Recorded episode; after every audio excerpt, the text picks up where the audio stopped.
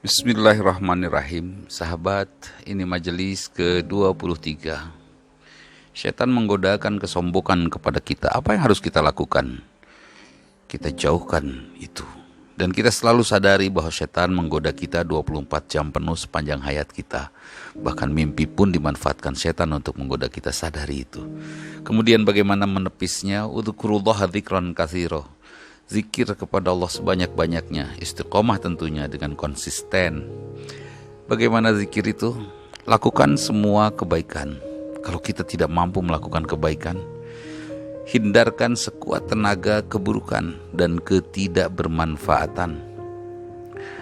Istiqomah konsisten untuk meninggalkan sesuatu yang buruk di sepanjang hayat kita tentu akan membuat kita perlahan mampu melakukan banyak kebaikan dan setan tidak akan sanggup menggoda kita.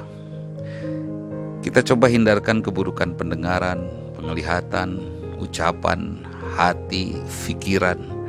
Bahkan ketika kita menyaksikan keburukan, sebut saja orang lain berbuat buruk untuk kita, itu adalah trainers yang akan melatih kita untuk menjadi bijaksana, untuk menjadi baik.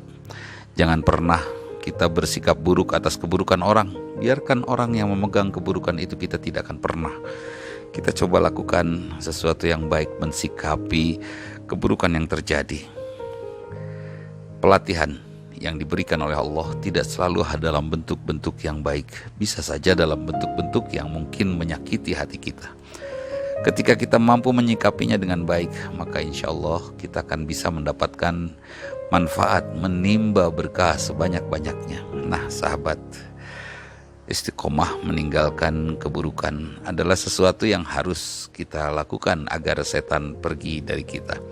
Kemudian bagaimana dengan zikir?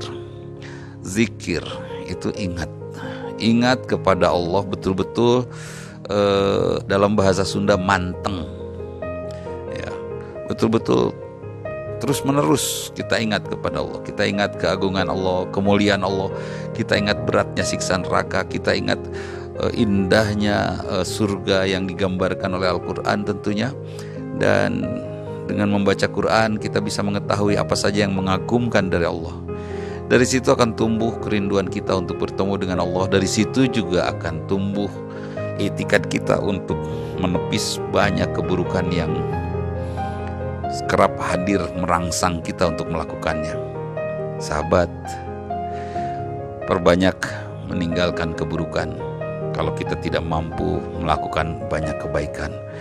Mudah-mudahan setelah keburukan semuanya terhindar, kita bisa melakukan banyak kebaikan tentunya. Mudah-mudahan Allah menyertai kita, menuntun, membimbing kita sampai pada saatnya kita pulang kepada Allah dalam keadaan kita merindukan Allah karena kita berzikir terus dan Allah mencintai kita juga merindukan kita karena kita ingat terus kepada Allah. Kalau kita ingat kepada Allah, Allah akan ingat kepada kita. Tapi kalau kita lupakan Allah, maka Allah pun akan lupakan kita.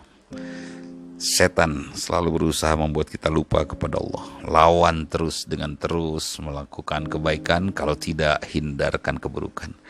Majelis ke-23 mohon maaf, dulu dimutakin. Assalamualaikum warahmatullahi wabarakatuh.